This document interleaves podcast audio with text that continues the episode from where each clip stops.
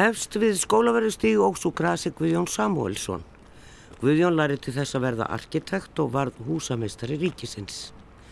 Á þriðja áratug síðustu aldar skipulaði Guðjón efst á skólaverðuholti, það sem kallað var Háborg Íslenskar menningar. Þarna átt að rýsa kirkja, háskóli, söfn og íbúðir fyrir stúdenta. Austan í holtinu reys háskólasjúkrahúsið sem fekk nafnið Landspítali.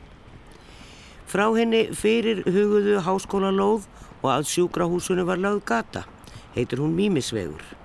Borgastjóranum Knúð Símsen fannst þetta vera heldur lítið pláss fyrir háskóla og sá til þess að skólum fengi nógu stóra lóð vestur á melum. Guðjón gafst ekki upp og settist aftur við teiknibrettið. Nú teiknaði hann heljarinnar kirkju þarna á holtið og frá fyrstu skóplustungu til vikslu liðu 40 ár. Kirkjan er sennilega stærsta kirkja í heiminum sem gerður úr steinsteipu og er stöðuguströymur erlendra ferðamanna þarna allan ásins ring að skoða þetta undur. Svo má lesa í lítið grein í mokkanam árið 2004 en eins og alþjóð veit verða ekkert úr þessari hugmynd Guðjóns. Út frá þessum vangaveltum er gaman að velta fyrir sér framtíðinni. Hvað og hvernig verður byggt og hvert verður byggingarefnið? Það er hægt að skoða fortíð en nánast ómögulegt að spá um framtíð. En við gerum tilhörn í dag og ræðum við arkitektanema og þrjá unga arkitekta, sum þeirra að taka sín fyrstu skref í fæinu. Við erum komin hérna í Brúarvóg í Vóakverfinu. Þetta er uh, teknistofan Tvíhorf. Hér vinna þau Katla Maríudóttir og Gunnar Sigursson.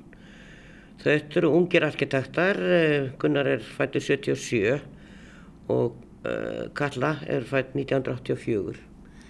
Starfsaldur byrjar um alla fyrir svona um 30 eða eitthvað svolítið maður er arkitekt eða hvað? Jú, það er einmitt þannig. Þetta er langt nám og, og ég held að sé mjög algengt með þá sem fara í, í eitthvað tengt svona listnámi Fæst, fæstir fara beina leið inn í, inn í til dæmis arkitektur eins og með mér í bekk voru margir sem voru kannski búin með byggingaverkfræði eða heimsbyggi eða myndlist. Þannig að þetta er svona þannig að stafsaldurum byrja sent Þú lærir í Stokkólmi og þú lærir í Árásum Já, ég læri í Árásum, tók allt námið þar. Já.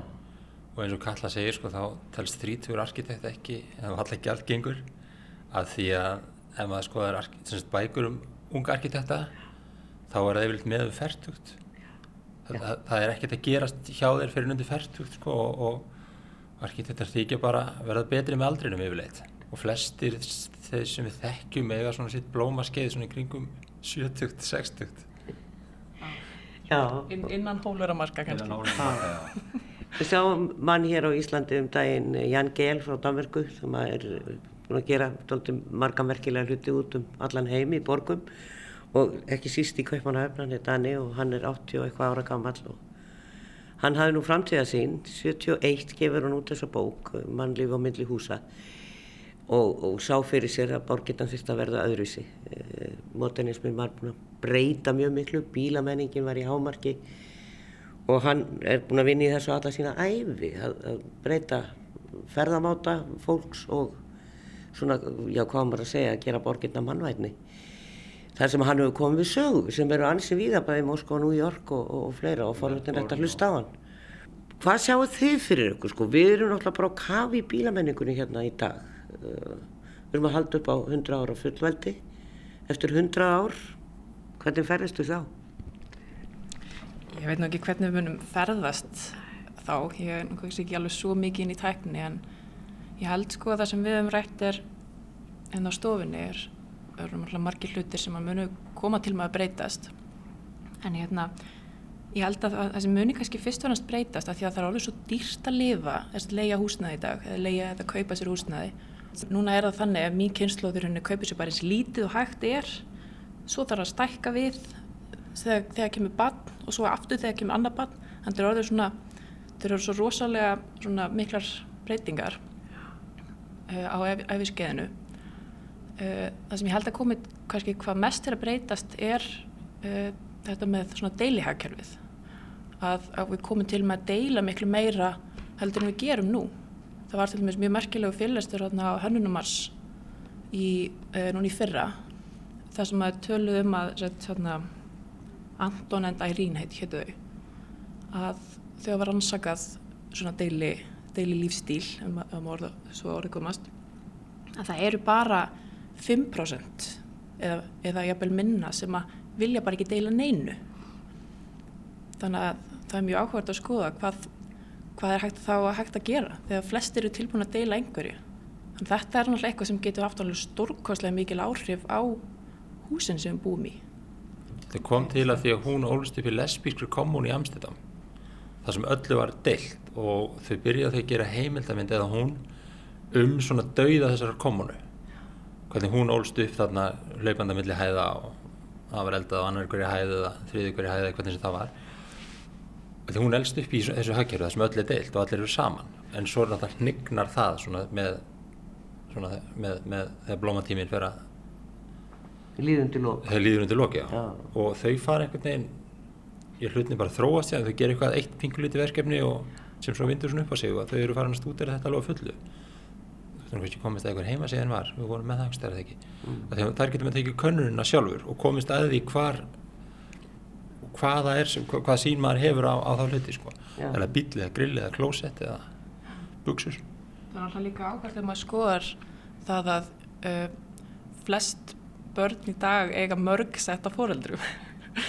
Þannig að þetta er alveg svolítið flókið. Það er að segja, í, í hver fjölskyld er kannski með þrjú börn eina vikuna og svo kannski fimm eða sex á næstu. Það hefur líka áhrif á, á húsin. Serðu fyrir einhvern veginn að verða eitthvað nýtt byggingarefni? Það er rosalega dýrt að byggja á Íslandi í dag. Það er reglugerðin ströng og þú að sé búið að liðka eitthvað til núna undanvarið Mm. í húsnæðisvanda. Já. Serðu að það verði ódýrar að byggja? Já, ég get ekki myndið mér annað, eða, jú, það ætti að vera það, það á að vera það, en eins og þessi byggingarreglugjörn hefur ekki beilinins hjálpað til, því mér skilst að það hafi verið svona ákveðin grunnur að, í vinnunni að byggingarreglugjörnu fyrir nokkrum ára síðan, og nú gæti ég við hátan átt fyrir minn, að, en hugmyndin var svo að maður hefði rétt af því að búa í sama húsnæði alla æfi, og hvað gerst þá? Þá ertu náttúrulega í, þá þarf þetta að hanna húsnæði sem að getur tekið við öllum breytingum, í staðin fyrir að, að, að þú breytir húsnæðin eftir þínum þörfum. Það er svona ímyndið sér að sko, ef að bíl ætti að gera það sama, þá værum við öll á upphækkunni jeppum að tætast um allt. Þetta er alltaf, miklir, þetta er alltaf mikil hús. Við erum bara, ég meina það er fullkomlega eðlilegt að fólk bara flytjist og sætti sig við þetta eins og Katl er að segja að, hérna, að þú ert með þrjú börn eina vikuna og ekkert næstu. Veist, þetta er ekkert má ekki sve, sveigjanleiki sem að húsnæði þarf að hafa en fyrir ekki varandi byggingarefnin þau hljóta að vera það. Það er að rannsaka sveppi, það er að rækta sveppi sem eru sterkar en steinsteipa, það er kongulóðþráður sem hefur tífalt tókþór steip eh, hérna stáls. Alls konar svona hlutir því núna eru vísindamenn að horfa á náttúruna. Þeir eru að skoða hluti að loksins loksins höfum við tæknina vonandi til þess að horfa þangað sem að horfa á náttúruna sem hefur leist hlutana miklu betur en við höfum tíma gert. Þetta er eins og sagt var um hérna hvítu húsin, hvítu kuppana sem er að vera að byggja út um allt. Akkur í óskupunum er að byggja þessu hús. Af hverju verður að byggja hvíta kassa með plötu þakki? Þetta er 80 ára gömur hönnun. Þetta er ekkit nýtt, þetta er eldgamalt. En núna fyrst erum við komið tæknarnir til að leysa þetta á ásættilegan hátt. Þegar við verðum að byggja þetta fyrir sko gömlu fungishúsin, það er mörgulegt mjög léle hús, mjög vond og óheppileg vegna þess að það er hugssjónin komið langt á undan tækninni. Já. En það er líka kannski hlutverk arkitektur að keira hugssjónirnar og samfélagið og, og, og pælinguna um markmiðið áfram og draga með sér þá tækni og, og, og annað sem þarf til. Því yfirleitt, það- yfirleitt ég hef kannski núna eins og digital dóti en yfirleitt kemur tæknin ekki undan þörfinni. Jú, það er endur alveg gjörsalegt þverjöfuð núna, ekki? Já, Það er náttúrulega, það hefur líka, sko, það er mitt að þegar þú kemur inn á tölvuteknina, það er náttúrulega eitt sem að kemur til með að hjálpa til við að gera arkitektur þessi, uh, miklu vistvætni og það er mitt þetta með, þú veist, með gerfugrindinni, þú veist, þegar það, að því nú hlæru með bimmið og kattið sem er allt svona tölvutekni sem hjálpar okkur við að teikna, en núna er svona næsti leigir er þessi svona gerfugrind, svona þessi algrímor og svona sem að í rauninni eh, kannski tengjast forritunum og gera þetta allt miklu uh, svona, já, besta þetta.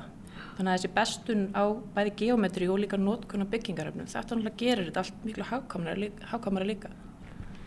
Og náttúrun er náttúrulega hinn fullkomni hönnuður, að því hún er hæg og miskunnulaus á mörguleiti en hérna það er, það er ekki til fita eða óþarfi í náttúrunni það er allt rétt það er allt sko, það er allt, það er allt lámarks og eins og, eins og Katla segir sko með ídalir í hönnun, nákamir í verkferðlum og vinnuferðlum og annað, þá erum við að spara, ættum við ekki að spara gríðilega mikið byggingaröfni.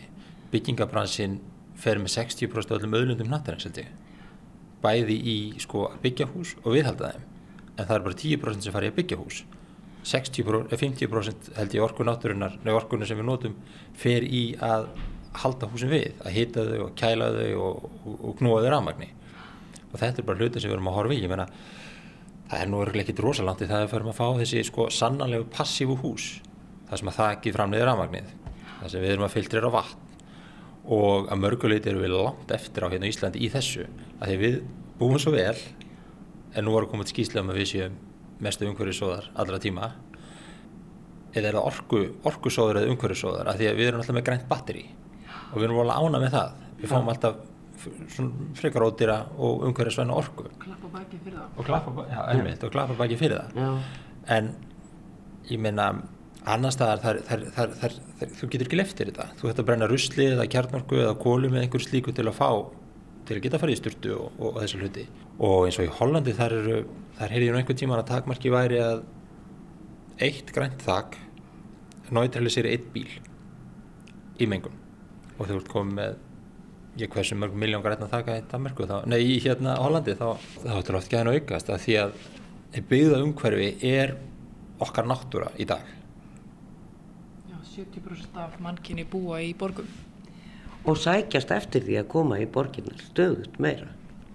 ég sækist eftir tækifærum. Já. sækist eftir betra lífi sækist eftir auðveldara lífi. Og já, mögulega koma tækifærum. Ég veit ekki hvort að borgin sjálf sé svo aðlandi en tækifærin sem eru þar. Getum við gert borgina, verður hún gerð meira aðlæðandi við lefðum bílnum að taka völdin? Og höfum gert það og alla borgir en það eru margir konið miklu lengri en við að snúa því dæmi við í allir nýri hönnun bara á Norrlöndunum þá er vegakerfið þannig að það er það eru umhverfisvætt ferðamáti eða, eða almenningssamgöngur og, og sjúkrabílar og leiðubílar gangand og hjólandi og bílinn er einhverstað hann aftast í rauðinni þegar út komin inn í miðborg, stórborga. Við erum ennþá ekki eins og komið með göngugötu í, í Reykjavík. E, e, stefnum við í rétta átt eða þetta virðist vera mjög mikil barátt og ofsaleg andstaða við að gera Reykjavík til dæmis mannvæfni. Já, ég veit ekki alveg hva, hvað það er nákvæmlega. Ég held að sé svona einhver leiti ríkir svolítið svona miskilingur um að það sé svo hræðilegt veður en við verðum að hafa bílinn til þess að koma okkur áfram. Þú veist, það er svolítið svona, ég veit ekki alveg hvaðan það kemur. Nei, ég lendi í diskussjónum daginn við mann sem satt úti og við sátum úti undir hittalampa á veitingastað og talaði mitt um þetta að veðri væri svo vond á Íslandi að við getum ekkert verið úti. Og ég bara hann fyrir ekki, sittum við ekki úti? Og ég held að, og ef að, ef að lögavíður væri til dæmis göngugata þá, þá var hægt að setja hítara við öll þessi veitingahús þetta setja gangstætt og, og það verða bara borð og stólar en einhver bílar. Já, ég man eftir, ég, ég, ég er nú bara einu sinni komið til Osloar. Það var mjög, mjög stöðum fyrir að vara og ég var í Kaupanhöfn og ég hoppaði upp í rútu og brunaði til Osloar að hitta félaga minn. Það var í januar og ég kom bara á förstaskvöldi, hefði ákveðið með hálftími fyrir var að fara. Og svo lendi ég í Oslo, fimm tímur setna. Og þar er tískuvika um miðjan vetur og ekki þeim fallit fólk og ítla klætt fólk og, lítur, og alls konar svona tískuvíku fólk nema út á götu. Það eru bara allir Heli Hansen. Það eru bara allir klættir eftir veðri. Það veit allir það er vetur í Oslo þá klæður þið bara þannig og þegar þú ferð inn á kaffihúsið þá ferðu úr og þá ertu tískuvíkulegur þú ert ekki tóra tískuvíkulegur út á götu í 15 steg af frosti og snjó. Það er líka þessi miskilningu sko að, að klæða okkur ekki. Ég, meni, ég býi í Vesturbænum. Ég held ég sé 10-12 minútur lengur á hjól en að keira ég keiri samt á móti umferð. Þetta, er ekki þetta er ekki svona mikið fyrirtæki eins og fólk hættur En því vorst að tala um deilihagkerfið og þá hef ég nú oft hugsað um hvort að það geðsla Íslandinga væri þannig að þeir gætu sko kommunan náði aldrei völdum á Íslandi á sínu tíma. Það voru nokkra kommunur og, og, og það fólk þótti svona, það, það voru viðtal við þetta unga fólk í blöðum og sjónvarpi og annað því að það þótti vera svo mikið öðru sem allir hinnir þó að einhverju væri helgarhippar og annað þá var ekki mikið af þeim hérna.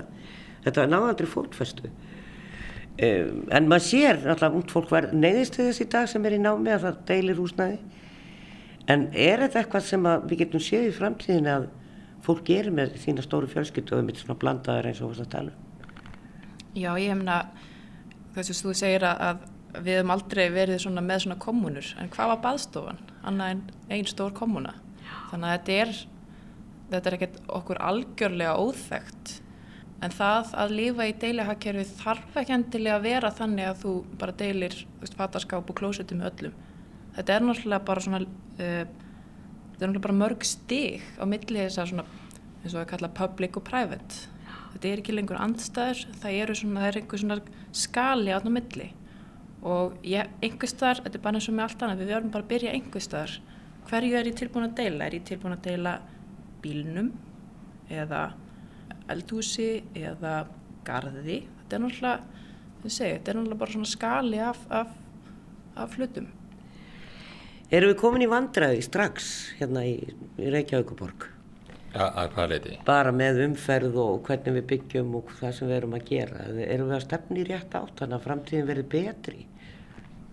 Sko það er lofórðum það að við séum að stefna í rétt átt og það eru pælingar og hugsanur um það að við séum að stefna í rétt og eigum að stefna í rétt átt. En um, grundvallar vandamáli hérna er það að við erum svo ógeðslega fá. Það eru alltaf hægt að halda út í sko borg með þennu fjölda. Hér vandar kannski svona eins og halva miljón á Reykjavíkusvæði fjóra miljónur í Íslandi held fimm kannski, mm. á næstu hundra árum það verður fínt, Ísland 6 miljónur eftir hundra ár, þá verður við kannski með samfélag sem myndir virka ágætlega.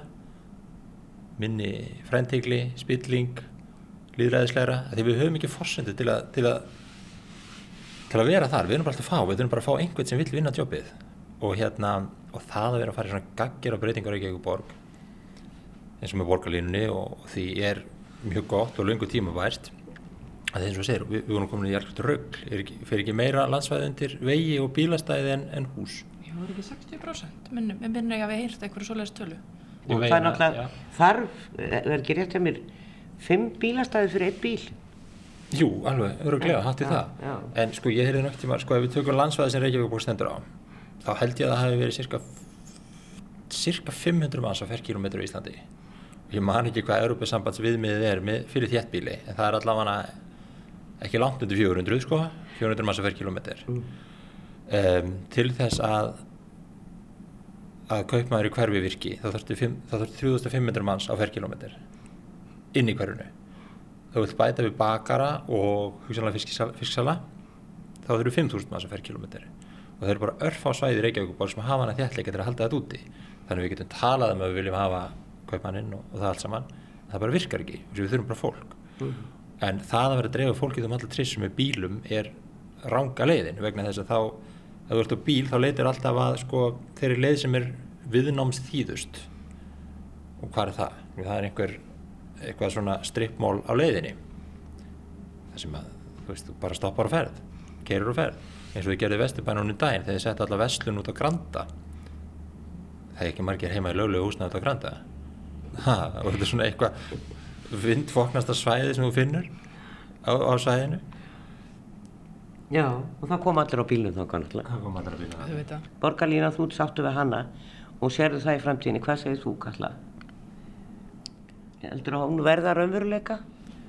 Já, hún eða einhver útgáfa af henni sko. það hlýt, hlýtur bara að vera mm. því að ef maður bara hugsaður um það að það situr einn í bíl og allir eru einhvern veginn fastur í umferð þetta er náttúrulega, þetta er bara mótel sem gengur ekkert þannig að það bjóður bara valmöguleika sem getur nýtt á tíman í eitthvað annað það veist, mér finnst bara ótrúlega bólíkjandi Það er líka spurning sko hvaða, hvaða gildi hefur borgin sem slík þessi fallega borg, miðbæjaborgin og hverfin og þetta allt saman ef að upplifun 85% fólks eða 90% fólks af borginni er frá götu og, og einu skipti sem dvelur í borgarími þar þú situr rauði ljósi. Það er upplifin fólks á borginni. Og svo stoppar frutan vinnun og ferði vinnuna og svo kerir það heim aftur og söm upplifin af hverju eru þá ekki hann á borgin út úr þessu? Af hverju eru umfröðaljós ekki hönnuðust á fallegustu svæðin í borginni setja öll alveg- listaverkin þar og, En er það, það er kannski gott að við hönnum ekki allt því að þú veist, er, það, er ekki enga bílinn að fara að hætta eða degi út, maður spyrir sig. hvað segir það? Það er svona í lokin. Það er alltaf að tala um sjálfkerrandi bíla og, og þeir segir bara, það er bara hlægi, hlægi sem er hlæja borgarlínuna af því að það er að koma sjálfkerrandi bílar bara 2030. það breytir því ekki að tilhugsunum að tvekja tónar sofasett fyrir eina mannesku sé góðu leið til að ferðast að milli staða. Það virkar ekki alveg þegar ég sé líka fyrir mig sko ef við erum að fara í sjálfkennandi bíla þá er svo stutt í að algoritminn eða hvað sem sem stýri því geti sótt bara 5-6 manns í sama hverfi og skuttlaði á sama stað. Þá veistu alveg hverjir eða þú veist þá líklega mjög auðvelt að forrita það að koma stað í hvaða fólk og hvaða svæði er að fara hvert hvenar þannig að þú þarft ekki þinn eigin bíl. Það er bara bíl sem keiri þig. Ég er að fara heima eftir, ég ætla að stoppa í bónus. Það er öruglega einhver hérna í nágræninu sem þarf að gera það sama. Þá gerum við það bara saman. Og hittumst kannski aftur eftir viku eða eitthvað. Já, Já, ég held Þannig að að- það séum þetta ekki spurning um annarkvort eða. Það er alltaf spurning um einhvern veginn, þetta samtalan á milli og blöndun. fyrir 100 árum leit Reykjavík út 1918. Þar voru öll, bara, það voru bara tömburhús, nýbúið að byggja einhver steinhús eftir brunan í bænum. E, hins vegar var hún mjög láreist og, og, og svona kannski þegar við horfum svolítið romantískum augum á myndir af þessum tíma. E, eftir 100 ár þegar við lítum á Reykjavík og húsi sem við sitjum í hér sem er svona Já, bara svona typisk skrifstofuhúsnaði í vógunum í Reykjavík. Það er ekki mikil arkitektur í húsinu eða, eða hvað ég var að segja. Það, þetta er kannski ekki það sem að fólk myndi segja ennfallegt hús. Ekki utan. þetta er, Nei, þetta er, nei, en þetta er ekki sangjant sko. Nei, ok. að því að hérna hér er utanleikindi hérna utanleikindi burðagrind sem er sjálfgeft og eins og segir þetta er skrifstofuhús þetta er engin arkitektúr og þetta er bara það sem þetta er þetta er gámur og geimur og skjöldur en þetta hús er þetta pillaði sundur og endur nýta þetta er fullkomið dæmi um hús að við eigum ekkert að hanna öll hús og reysa til 150-200 ára. Þetta hús endist í 30-40 ár. Svo er það bara brætt niður og endur nýtt eða það þarf að bræða niður. Þannig að þetta er hús sem kemur og fer. Þetta er kannski framtíðingunar. Að byggja svo leiðis hús sem þú getur endur unnið. ég myndi halda það. Ég meina öll hús hefur endur henni hingað til. Steinandi notaður eitthvað annað. Brú verður hús verður eitthvað annað. Skeið eitthvað Við kvæðum þau Gunnar Sigursson og Kallu Maríudóttur arkitekta hjá Tvíhorfi. Það eru auðvitað vísindamenn að leita lausna, prófa sig áfram með vistvætni efni en steipu. Íslenska googlið segir raungjall, vikur, trefjaplast, ál og gler og jafnvel bambus. Hins vegar ef byggingarefni framtíðar eru slegin inn á ennsku, kemur ímislegt forvinnilegt og óvinnilegt, svo sem múrsteinar og síkartustöppum, nær gegnsætt tré, steipa sem að dregur í sig loftmengun og steipa sem að lækna sig sjálf. Við heilsum upp á enn einn ungan arkitekt sem nýlega hófstörf hjá Plus arkitektum. Við ákvæmum að koma okkur fyrir hérna á kaffivagninu sem er svona gamli tíminn hérna út á Granda. Hér þetta, þetta kaffihús er búin að, ég veit ekki hvað, 70-80 ára gamalt. Framtíðin kannski komin svolítið hérna á Granda, hún hófst fyrir nokkrum árum þegar áherslu var lögð á að blanda starfsemi hér og það hefur að mörgulegði tekist mjög vel. Og, og koma hér á góðveri stöðum er bara indælt að ganga hér út og bæði eftir að fara í búðir og, og borða góða mat. Birkir Ingibjartsson er arkitekt, ungur, uh, nam í Stokkólmi og vinnur hér hjá Plus arkitektur sem eru með sína stofu ekki langt hér frá. Og ég ætla að veiða eins upp úr honum hvað hann er að hugsa. Hann er að koma frá borg sem að er að leggja svona alltarar áherslur undanfærin ár á sett umhverfi, allavega svona umferðarlega séð. En stutt síðan ég var í Stokkólmi og, og það er, maður sér þetta alveg á, á vegagerðinni, að þeir eru að breyta alltaf mikið áherslum og, og samgöngu kerfinu öllu, gera upp lestastöðvar og gera nýjar og þetta er mjög flott. Já, það er hérna spennandi tímar í Stokkólmi eins og hérna í Reykjavík svo sem en hérna þar er áherslan mikið það sem er verið að bæta við er náttúrulega verið að bæta við stækka hérna neðan jarðarrestakerfið og leggja sporvagnalínur og, og svo er mikið verið að byggja bara svona þjættum borgarhverfum í, í, í jæðri miðborgarinnar stækka miðborgina og svona brjóta þann svona múrana sem er svona ytri mörk þess það er mikið verið að horfa á þessar svona almennu svona borgar byggð sko, blönduðu byggð. Við erum búin að vera þjætta byggðina hérna í Reykjavík og, og fólki finnst það misgáðulegt en ég skil það nú eiginlega ekki svo ég hafi nú bara skoðun á því að því að við, ekki getum við haldið áfram að fara bara upp í sveit með þessa borg og, og allir koma á bílum til þess að fara í vinnuna og meðan að samgöngu kjörfi hjá okkur er ekki betra. En hvað sérðu að, að að gera í því hér í, í Reykjavík?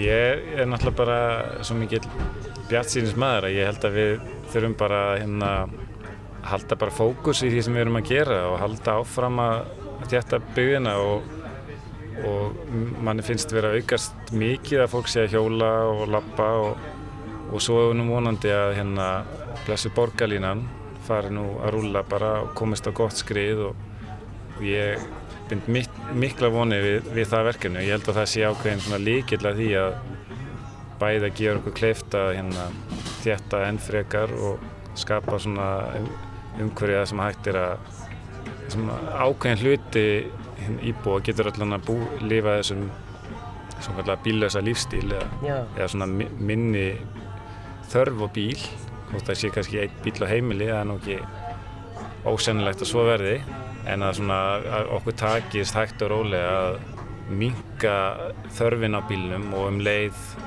held ég að mannlífi muni þá blómstra samlega því sko eh, Sko nú þú hvað, 32 ára? Já. Já, þannig að þú ert að hefja starfsferilinn eiginlega. Það var nú einn af þeim sem ég talaði við hér, eh, arkitekt sem að er að nálgast færtugt og hann sagði starfsverðilinn byrjar eiginlega ekki fyrir um færtugt þegar mann er arkitekt. Það þarf fyrst að læra og svo að sanna sig og svo fær maður verkefni. Sérðu fyrir þér á þinni starfsæfi að það eigi mikið eftir að breytast bara í byggingarstíl og annað. Við okkar saga er tóltið að byggja stórt, stór, litlu íbúðunar eru ekki minn en 50 fermetra það eru bara mjög litlar íbúðir á Íslandi 50 fermetrar. Við sjáum annar staðir að það er verið að byggja ennminni, það er verið að deila eldhúsum og, og, og sem sagt, já, bara miklu meira deilihæðkerfi í gangi víðar svona í framstíðar hugsuninni. Já, ég held að það sé alveg klálega miklar, mikil tækifæri til þess að breyta og mjög skýr krafa um, um meiri sjálfbarni og það er eins og talaði um steipan sé kannski ekki nægilega, hún sé mjög mengandi að framlega hana. Þannig að það er eitt sem að knýr þetta áfram en svo held ég að sé líka eitthvað sem að mun aukast og aukast, það er svona meiri fjöldaframlegsla og svona einingasmíði. Og, og þar sér maður líka fyrir sér að, að það sé hægt að fara út í tölvert minni einingar en við erum að byggja oft hérna heima hérna á Íslandi í dag sko. Og það verði já það er svona blandan, það er einhver svona eininga framlegslega meiri svona það sem verði að kuppa húsanum upp á staðnum en þau eru mörguleiti framleitt annar staðar. Og svo kannski að byggingarefnin munur náttúrulega alltaf þróast. Það er náttúrulega verið að byggja mikið í timbri út í heimi af því að það er já bara náttúrulega náttúrulegt efni. og hefur ekki bara kosti út frá svona, þessu kólefnisspori heldur líka bara eru ákveðin gæði sem að fást í byggingateknilega í bara svona, í svona loftun og, og slíku sem að bara gefa öðruvísi gæði en við fáum í dag. En ég held að það sé klárlega líka spurningum að samlega því að við byggjum borgina þéttar og erum kannski svo náttúrulega líka alltaf verið að tala um að, að, að aldurs píramítin samfélagsins sé að breytast og það er fólk er kannski fjölskyldu samsendingar öðruvísi og breytast. Þannig að það er svo margt sem að hefur áhrif á það hvernig, hvað þarf að byggja, hvernig tíma og hvernig það þróast. Þannig að ég held að sé það sem við byggjum er náttúrulega alltaf einhver ákveðin sko svörun við því. Þannig að ég held að sé klárlega miklar, mikil þróun sem ég eftir að gerast. En, en svo er alltaf held ég samt í grunninn er við mjög svona íhaldsum í þessum e, málum og ég hef trú á því að svona þessi svona að byggja góða borg og góð borgarými sé einhver svona grundöllur og svo eru þessar eru húsin meira svona litlar einingar þar á milli sem að munu breytast sko. Heldur að verða hægt að, að svona, það er verið að teikna hluti, ég man ekki alveg hvað þetta heitir, þrývítartekning eða hvað. Heldur að verða hægt að byggja hús á þeirra nátt? Já, það eru margir sem er að vinna í svona prentun, ef maður sér það í svona á svona á netinu, einhverja stúdíu með það. Þannig að það er eflaust einhver spennandi tækifæri sem félast í því að, að 3D þrývita prenta hús á stað sko en, en, en ég held að það verði samt að einhverju leiti alltaf ákveðið svona þú veist, þú nærið einhverjum ákveðnum eiginleikum og getur nýtt það við ákveðnar aðstæður en, en svo er kannski þessi, ég held að þessi svona fjöldaframlesta sé kannski meira svona það sem að sé það sem koma skuli. Við það að staðsteipa húsi sem við gerum hérna á Íslandi er þekkist bara og það, það er ekki mjög algengt.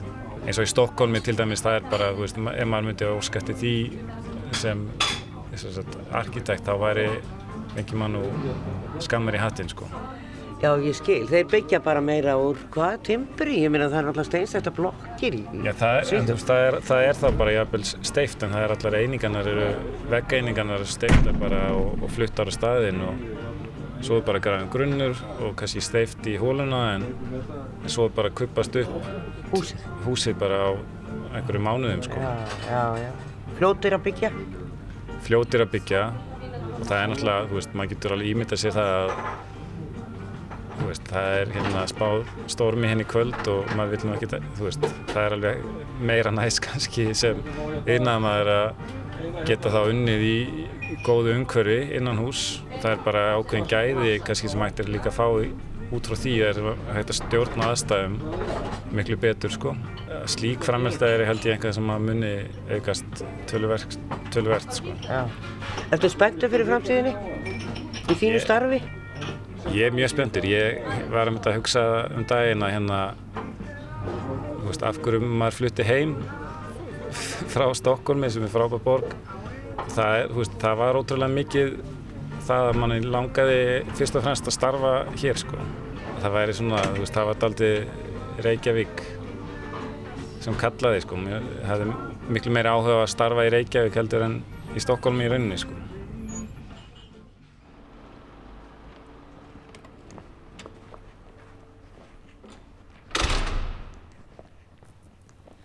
Birgir Ingi Björnsson hverfur á braut og við ætlum næst að heimsækja listaháskólan. Hér á landi er hægt að klára B.A. gráði í arkitektúr en síðan verða þeir sem vilja klára að leita út fyrir landsteinana. Haugur Hafliði Nínusson og Júlia Brekkan eru bæða að ljúka B.A. námi og ég spyr þau hvort einhver áhersla sé lögð á framtíðarpælingar í skólanum. Já, vissulega. Þetta er náttúrulega snýst allt um skipulag og Ég var svo heppin að uh, það var útlutað mér einmitt bókin hans Jan Gehl í einum borgarskipilags áfanga og þar kveiknaði mikill áhuga hjá mér allavega og þetta var nú reynir bara svona eins og uppljómun því ég hef búið í útkverfi mest alla æfina eða bara alla æfi og býð enn á stúdendagörðum upp í Gravarhaldi og fór að pæla ennþá meira í umhverfinu mínu þar. Það er reynir bara út í bíl og síðan gengi um hérna nýri bæ þar sem er eitthvað að sjá og mikið fólk og svo leiðis en þegar byggðin er svona rosalega dreifð í útkverðunum þá er ekkert maður er ekki að sækast í neitt mikið endilega nema kannski náttúru. En þetta er það sem þétting byggðar býður upp á. Það er mannlífið og félagslega samskipti og gönguhæfi til dæmis. Og nú er alla líkur á að fastegna verður fara að snúast miklu meira um gönguhæfi sem dæmi. Þannig að já, ég spái allavega nýjum svo hverjum einsta degi held ég. Já. alltaf þegar ég er eitthvað að labba eða ferðast þá er maður alltaf að hugsa eitthvað um skipulag og bara sérstaklega þegar maður er í skólanum. Það kannski minkar eitthvað örlítið þegar maður er í fríi en það er alltaf eitthvað. alltaf um þetta, þetta er alltaf. Já, í rauninni. Hvað segir þú Júlia? Erst þú svona að pæli þessu líka? uh, já, þetta er borgarlífið hefur áhrif á daglega lífið og allt sem þú gerir.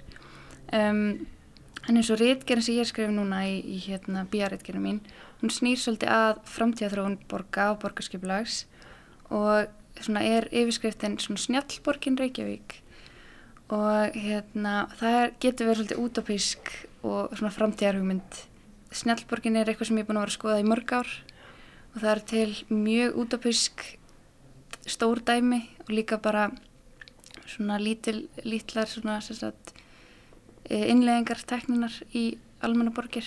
Já, sem sagt þessu snjallborgin hérna í uh, Reykjavík, þetta var innleitt bara 2016 þótt þessi búið að vera í yfir 20-30 ár í umræðinni og þá hérna á að hérna ítundi nýsköpun og vinna þvert á brautir, svolítið að brjóta þessi síló að fólk sé að vinna og, og hérna í ykkur svona sérstökum kjörnum veist, og hérna það var að tala svolítið um arkitekta þeir kom inn á fleiri svið heldur en bara kannski hannabyggingar eða, eða hérna snóborgarskipulegi Er sko, manni finnst einhvern veginn á undanfjöndum árum að, að arkitekta séu farnir að hugsa meira um skipulæðið mitt. Þetta, kannski fyrir 20 árum þá er fólk að læra arkitektúr og, og þá var þetta bara mest um að skapa fallega, frumlega byggingu.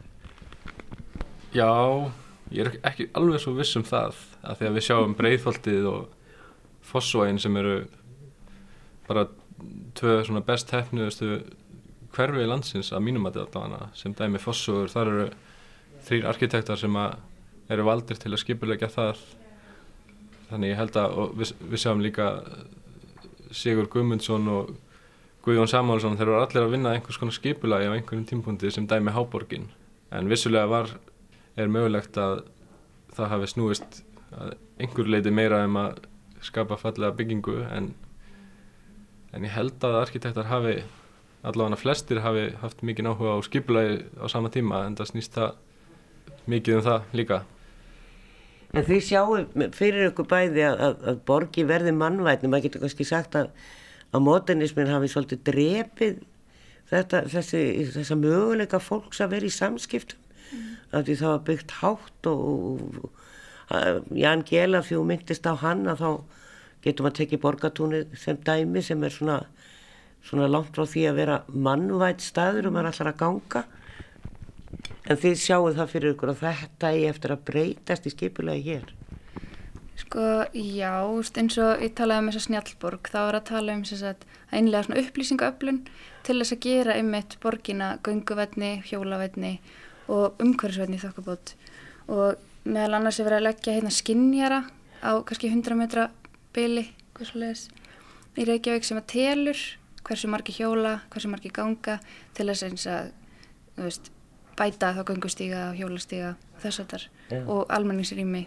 Þannig að svona tala líka um hérna byggingarnar, þetta spilar allt saman þetta þú veist fagfræðin, funksjónin skipulæð það er svona allt snýrað upplifin og þetta er allt svona hanna í kringum mannin þess að verðum við að gera hana mannvæna borgina Já það var allavega markmiðið til að byrja með að hanna goða borg fyrir mannin en í rauninni var verið að hanna góða borg fyrir bílinn. Mm -hmm. og við erum nýbúin að vera að ræða þetta að til dæmis Reykjavík hún hefur bara allt skiplega í Reykjavík hefur byggt á byggst á hérna mótenískum aðferðum í skipulagi.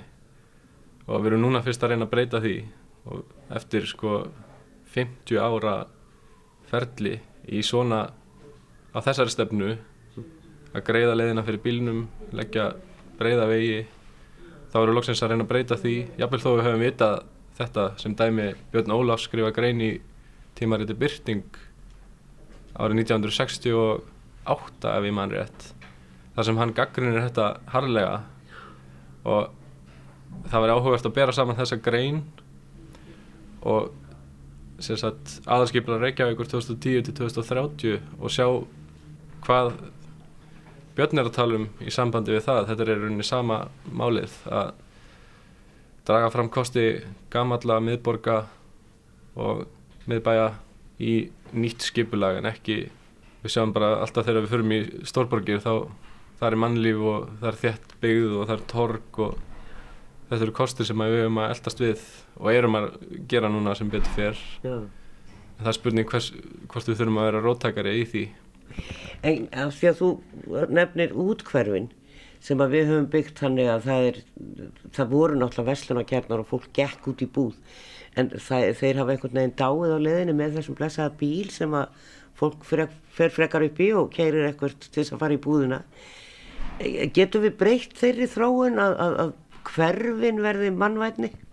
Það er oft talað um að það verða vera eitthvað kjarni innan hverfa sem fólk sækir í. Og svo er oft verið að tala um að það sé verið að byggja svona svefnkverfi þar sem hún keirir inn í, fer að sofa, keirir út, fer að vinna, fer í búðir. En þú veist, um leið og ykkur kjarnar myndast, versluna kjarnar kannski á jarðhæðum sem myndar eitthvað líf þá á gödunni eða á torgum, þú veist, þá mun eitthvað gerast, ykkur grænsvæði, eitthvað sem fólk getur sóst í an þess að þurfa að keira. Þú veist, eins og fólk vill ekki sagt, ganga vegulegnd sem tekur lengur en 11 mínútur cirka. Það er bara, og vandamálið er líka svo, svo að því ég skoða þetta rosalega mikið út frá sjálfum mér auðvitað. Ég bý í Grafaraldi og sjálfur sér ekkert langt að lappa upp í búð sem er statt á sko, við ingang hverfisins þar sem að kr- krónan og húsasmíðan það er. En ef ég lappa þangað þá, þá lappa ég rauninni bara svona fæ bara svona víðáttu. Það er svona rosalega langur göngustígur, ekkert að gerast, bara bílar að kera framhjá og þetta er ekki eft eftirsóknarvert umhverfi til að ganga í. Það er málið og það, það talaði um hvað, 300-500 metra max þar sem að fólk sættir sig við að ganga. En e, sko, nú er það mikil barátta hér á Íslandi að, að fækka bílum og koma upp borgarlínu þannig að það sé auðveldar að fara með almenningssamgöngum á milli staða. Það eru margir sem hjóla, en að hjóla og grafarhald er daggóði spotti og við talum um kemur miðan vetur. E, en, en hins vegar ef að væri góðar samgöngur þá, þá væri það val sem að við kannski höfum ekki í dag. Sjáu þið fyrir ykkur, því nú er talað um sjálfkeirandi bíla, sjáu þið fyrir ykkur á, í nánustu framtíð að, að þessi afstæða til að vera einn í hverjum bíl að komast leiða sinnar í vinnu og heim, að það breytist í, í nánu framtíð. Ég held það. Ég held að þegar fólk átt að sjá því hvað við eigðum miklum tíma í bílunum okkar við eigðum örgulega flestir sem búa í útkverfunum þeir eigða og, og starfa í miðborginni allavega klukkutími á dag í bíl nema þú sért að vinna kannski 12 til 8 um kvöld eða eitthvað svo leiðis ég held að þessi afstæðmennu gjörbreytast þegar að það er í bóði núna erum við fyrst að fara að breyta laugavegi í göngugötu. Og ég er alveg vissum að um leið og það er búið að gerast og það er búið að útfara það og framkvæma að þá mun allir spyrja sig af hverju er ekki löngu búin að gera þetta? Þannig að ég er alveg vissum að ef, ef við tökum dæmi þá er þetta 7 klukkutímar á viku. Og hvað er þetta mikið ári? Ég get ekki reiknað það svo hrætt en þetta er rosalega mikil tími og borgarlínan hún getur að fara hvað? Á tímyndum frá gravarhaldi niður í miðborg. En þétting byggðar og uppbygging hverfana er, hún er algjör fórsenda fyrir þessari uppbyggingu. Ef við byggjum bara miklu meira og miklu meira og gerum ekkert í almenningssamgöngum þá það mun ekki ganga. Sjáu þið hugafarsbreytingu hjá yngra fólki? Uh, já, vissulega. Líka hérna með þessu lofslagsmálum og umhverfismálum þú veist, ég, eins og þegar ég keiri þá hugsa ég hvert einasta skipti bara vá hvað ég er að menga mikið. Og hérna hugsa svo til þess okkur er ég ekki að taka strætó? En þá hugsa ég líka ég er miklu miklu lengur að því og þarf það þá veist, að ganga lengra og allt svona. Þú veist, ég er svona hugsa ofta neikvæðar stíkar samgangna á Íslandi. En hérna ég fór einmitt og tók viðtal við þá sem sjá snjallborgina þau sjá fram á innleggingu borgarlínu eins og hann var að tala um sem á að hraða á þessum, þessum samgönguferðum. Og þeir sjá einnig fram á sjálfkerrandi bíla að þeir verði innleitir inn í Reykjavík. Og fyrsti kom fyrir hvað, tveimur árum eitthvað svo leis því fyrra. Já. og hérna sem er bara já sjálfkerrandir afbíl sem að tekur kannski sjömanns eitthvað svo leis sem að fer hratt á millistæða Það hefur verið mikið rætt um sjálfkerrandi bíla á borgarlínu.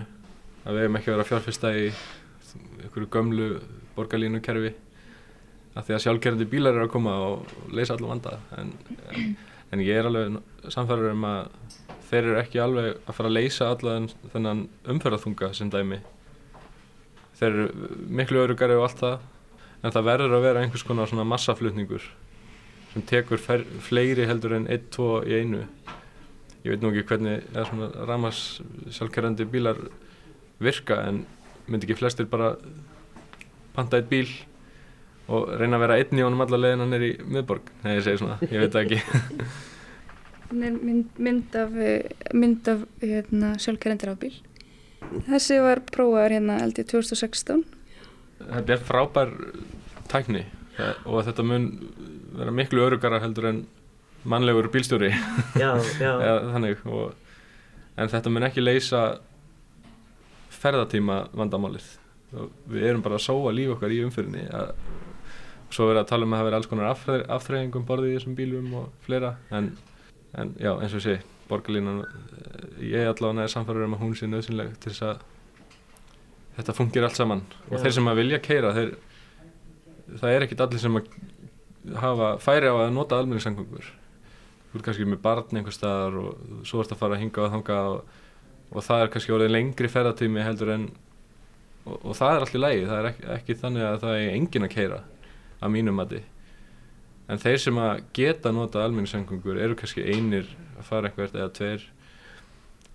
Að bara ekki spurning að þá mun það stýtta ferðatíman sem mun munar og, og, tala nú ekki um bara fjármál hversu dýrt það er að reka bíl fyrir unga fjölskyldu sem þarf að keira svona mikið af því að það er ódýrar að búa í útkverfunum eins og staðan er núna þetta er rosalega dýrt þetta er ekki bara dýrt í sambandi við bara lífið þitt eh, sem sagt, Já. þú ert að þetta er svo mikil tími af lífinuðinu sem fer í að keira heldur ertu líka eða rosalegum fjármunum í að reka bílinn Hvar býr þú? Ég bý í Hafnafjörði og keiri hverju meinustu mótni til að komast í skólan og fer heim oftast þegar mesta, mesta umferðin er.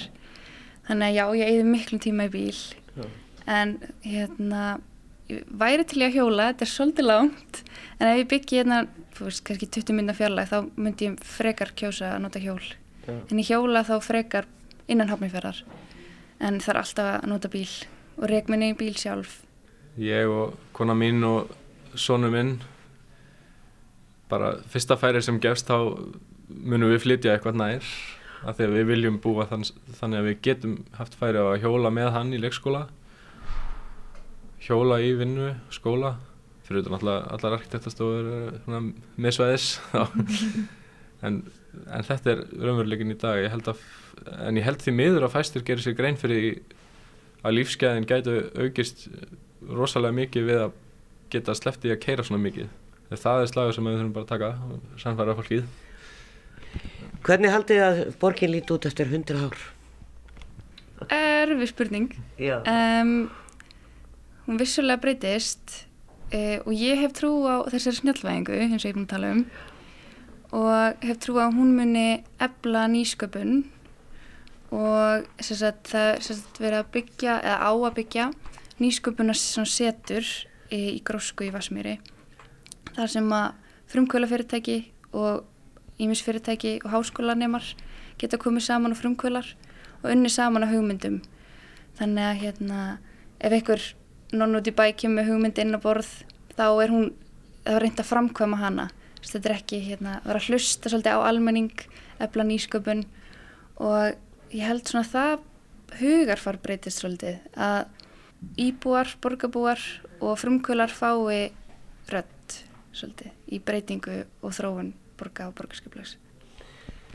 Já, ég held að við séum allavega á réttri braut núna og í sambandi við niður upp bygginga og fleira þá það er allt öðru sér viðþorka hvert svoleiðis smálum í dag bara sem dæmi hérna Gufunes ábyrðarsmiðan þar og gamla hérna sorpbrennslu húsið sem að Reykjavík hérna, kvikmyndaframlýslu fyrirtæki er hérna komið inn. Ég er alveg sannfæður um að fyrir 10-15 árum þá hefði þetta allt verið rifið og byggt nýtt. Ég held að þetta væri svona mjög ábyrgandi í framtíðin að við verum með svo rosalega mikið að innarhúsina í Reykjavík. Bara sem dæmi upp í, upp í við ártúnshauða þá ég vona allavega að það verði nýtt eitthvað af þessum húsum. Þeim, þeim sem er hægt að berga sko Ég svo má búast við að yðnaframlegsla breytist mjög mikið með nýri tækni þannig að þessar byggingar eh, eru verða bara svona úrældar á meðan við það sem er kannski verið að framlega eftir hundra ár.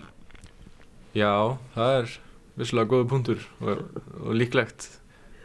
Ég er alveg, alveg viss um það en, en þetta eru flestar byggingar sem er vel hægt að nota undir annað en þar eru notaðir í dag bara kannski besta dæmið er bara Marshallhúsið alveg bara frábær umbreyting frá því að vera bara svona gummul, var ekki síldabræðsla yfir í að vera bara listasafn og veitingastæður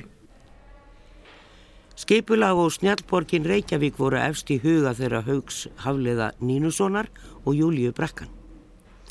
En við getum ekki leist gátur framtíðar, frekar en þeir sem stóðu vaktin árið 1918.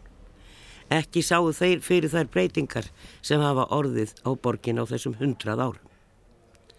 Og þar með hvernig við í dag verði sæl.